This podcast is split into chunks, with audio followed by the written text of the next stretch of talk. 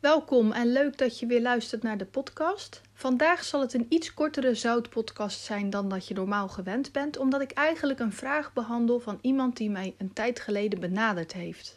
Een hele poos geleden kwam er iemand naar mij toe en die vroeg: Helene, ben jij eigenlijk gevaccineerd tegen het coronavaccin?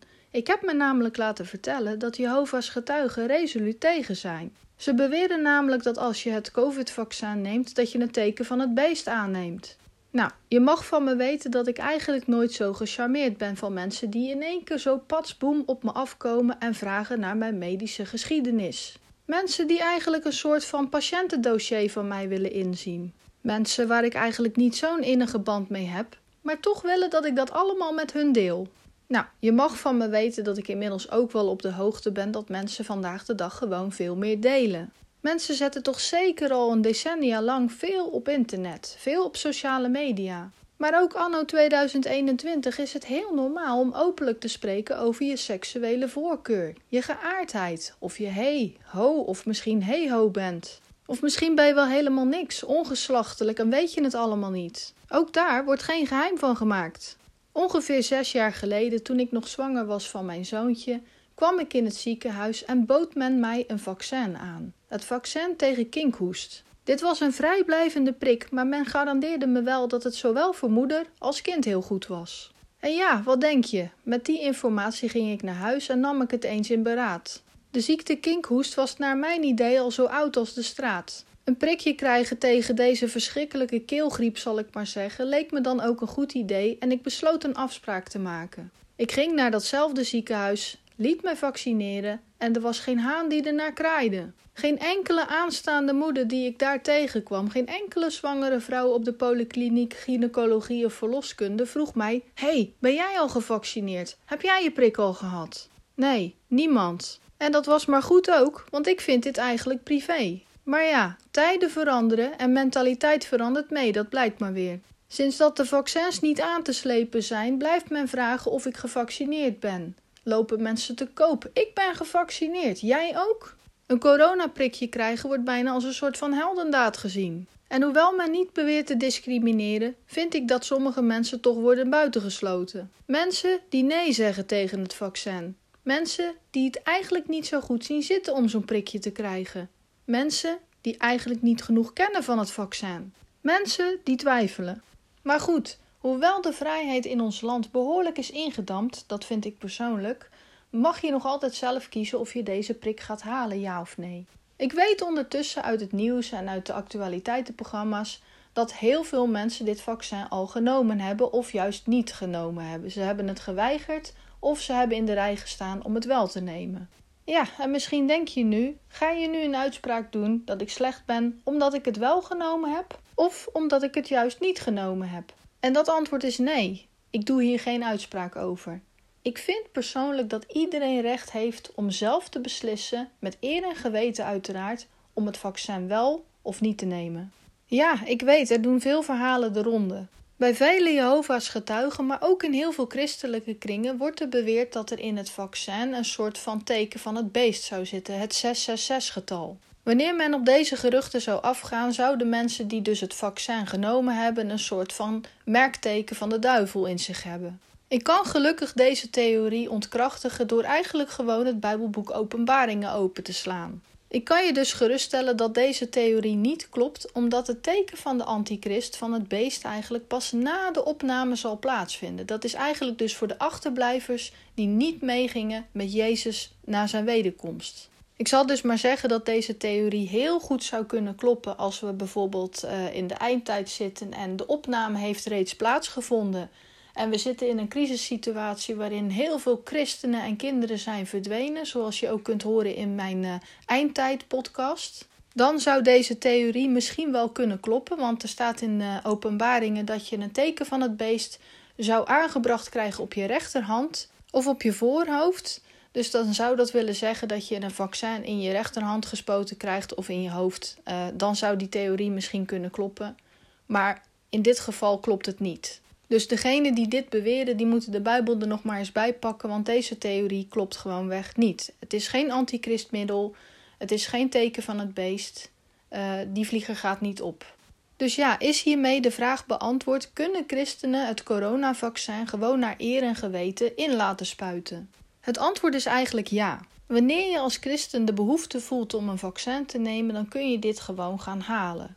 Zoals ik net al zei, heb je niet je ziel aan de duivel verkocht. Je hebt geen gebrandmerkteken in je lichaam geprent van 666. Je behoort niet toe tot een of andere Satanskerk in één keer of een of andere enge cult. Want zoals je ook bewust voor de Heer kunt kiezen, zoals je bewust een keuze voor God maakt om Hem te dienen, zo wil eigenlijk Satan ook dat je bewust voor Hem kiest. De mensen die roepen ze spuiten iets van Satan in me, ze zorgen dat ik een soort slaaf van de duivel word, die hebben ongelijk. Want ook de duivel wil dat je een bewuste keuze voor hem maakt. De duivel houdt niet van iemand die hem toegeworpen wordt, die niet echt helemaal daarachter staat en die ook maar in een situatie beland is die niet helemaal de zijne is.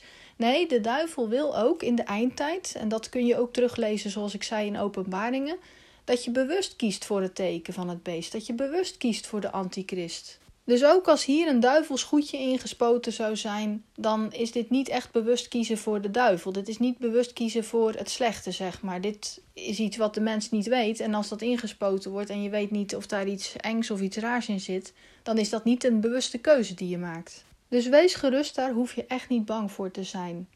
Andere complottheorieën kan ik eigenlijk niet onderbouwen. Er zijn mensen die beweren dat er een chip in het vaccin zit en ook dit kan ik niet bekrachtigen of ontkrachtigen. Er zijn ook mensen die beweren dat het een euthanasiemiddel is dat op late termijn begint te werken. Er zijn mensen die beweren dat er massa's mensen over een tijdje geëlimineerd worden. Wanneer je het vaccin zou nemen, zou het kunnen dat jij eigenlijk een Russisch roulette hebt gespeeld met het vaccin. De sterken zullen overleven, de zwakken zullen sterven. Heb je een goede gezondheid, kom je erdoor. Heb je een slechte gezondheid, ben je nutteloos voor de maatschappij en zul je geëlimineerd worden. The Great Reset, zoals ze het ook wel noemen. Ja, best heftige verhalen als je dit allemaal hoort en je wordt er soms ook wel een beetje bang door gemaakt. Maar mensen laten we ons niet opjutten door enge verhalen. Alertheid is één ding, maar angst is iets anders. Angst en paniek zijn slechte raadgevers en komen niet van God. Zoals ik net zei, we mogen voorzichtig zijn en we mogen waakzaam zijn. We mogen ook kritisch zijn naar ons lichaam toe. We hoeven niet, zolang we een vrije keuze hebben, te prikken wat de pot schaft. Maar ook als je als christen zegt: Ik vertrouw op God, dus ik hoef geen shot, dan is het niet eerlijk dat de maatschappij je wegzet als een soort antivaxer, als een soort vaccinhater. Tegenwoordig is alles heel zwart-wit, lijkt het wel. Als je niet voor iets bent, dan ben je tegen. Neem bijvoorbeeld als voorbeeld het homohuwelijk. Relaties tussen hetzelfde seksen.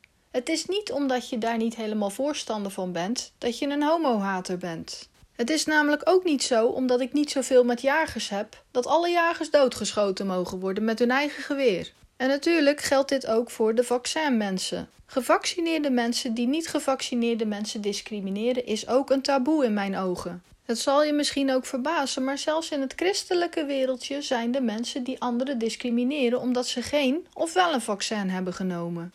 Nou, ik heb dus ook een boodschap voor de mensen die niet gevaccineerd zijn en die christen zijn. Het is helemaal oké als je je niet hebt laten vaccineren. Als jij een sterk geloof hebt en je gelooft dat de Heer jou zal sparen van deze ziekte, dan bid ik dat echt met je mee en geloof ik dit met je mee. Want laten we inderdaad niet vergeten dat God een goede God is, een God die ons beschermt. Wij zijn zijn kinderen en we lezen ook in de Bijbel dat hij in het verleden al zo vaak zijn volk beschermd heeft tegen vele plagen en vele ziekten. Jezus heeft ook corona aan het kruis overwonnen. Hij is een heerser van de hemel en over de hele aarde. De Bijbel spreekt ook meermaals over vertrouwen hebben in onze God, vertrouwen op Jezus stellen. Ja, dit is zo mooi en we mogen dit ook gewoon aannemen. Maar we moeten natuurlijk wel verstandig handelen. We moeten natuurlijk ook onze regering gehoorzaam zijn. Een spuitje halen is niet verplicht, maar de regels volgen wel. Geef als niet gevaccineerde christen dan ook het goede voorbeeld. Doe ook wat er van je gevraagd wordt. In de Bijbel staat er namelijk ook dat we respect voor onze regeringsleiders moeten hebben en dat we onze wettelijke regels gewoon moeten volgen. Jezus betaalde ook gewoon belasting. Het is niet omdat wij christenen zijn dat we boven de wet komen te staan. Dat we regels aan onze laars moeten lappen en dat we geen belasting meer moeten betalen, die dingen gaan natuurlijk gewoon door. Zolang je eigenlijk God niet tegen de schenen schopt, dus als de regering van je begint te vragen om een bepaalde God te aanbidden of een persoon te verheerlijken en uh, te vereren, dan is dat natuurlijk niet oké. Daar hoeven wij ook niet aan toe te geven. Maar wanneer de regering van ons iets vraagt, dan kunnen we dit ook altijd in gebed brengen. We kunnen altijd aan God vragen: Heer, wat vindt u ervan? En er is ook helemaal niks mis om een keer naar een oudste te gaan, naar een ander gemeentelid of misschien naar je voorganger. Heb er gewoon eens een keer een gesprek over zonder schroom. Maak echter van zo'n gesprek geen goeddoenerij of een debat. Ik ben gevaccineerd en jullie niet. Nou, ik denk dat het beter is dat jullie dit wel zouden doen, want en dan komen er allemaal ja maar zijn regeltjes. Probeer open te staan voor elkaars visie. Probeer te accepteren waarom iemand het wel of niet heeft gedaan. En welke complottheorie ook mag kloppen, we weten dat we een beschermende God hebben. Hij waakt als een vader over ons. Al zou er een soort giftig goedje in zitten dat mensen zou elimineren, bijvoorbeeld, dan weten we dat we een God hebben die ons zal beschermen hiertegen. En ik denk wel dat we dit even goed kunnen denken van de mensen die zich niet laten vaccineren. Als je geloof zo intens en zo goed en zo opgebouwd is en je gelooft gewoon de Heer gaat mij hier doorheen helpen. Ik ga geen corona krijgen, ik ga niet besmet worden en ik ga anderen ook niet besmetten, bij wijze van spreken. Want niet alle symptomen zijn altijd even voelbaar of even merkbaar, heb ik gehoord.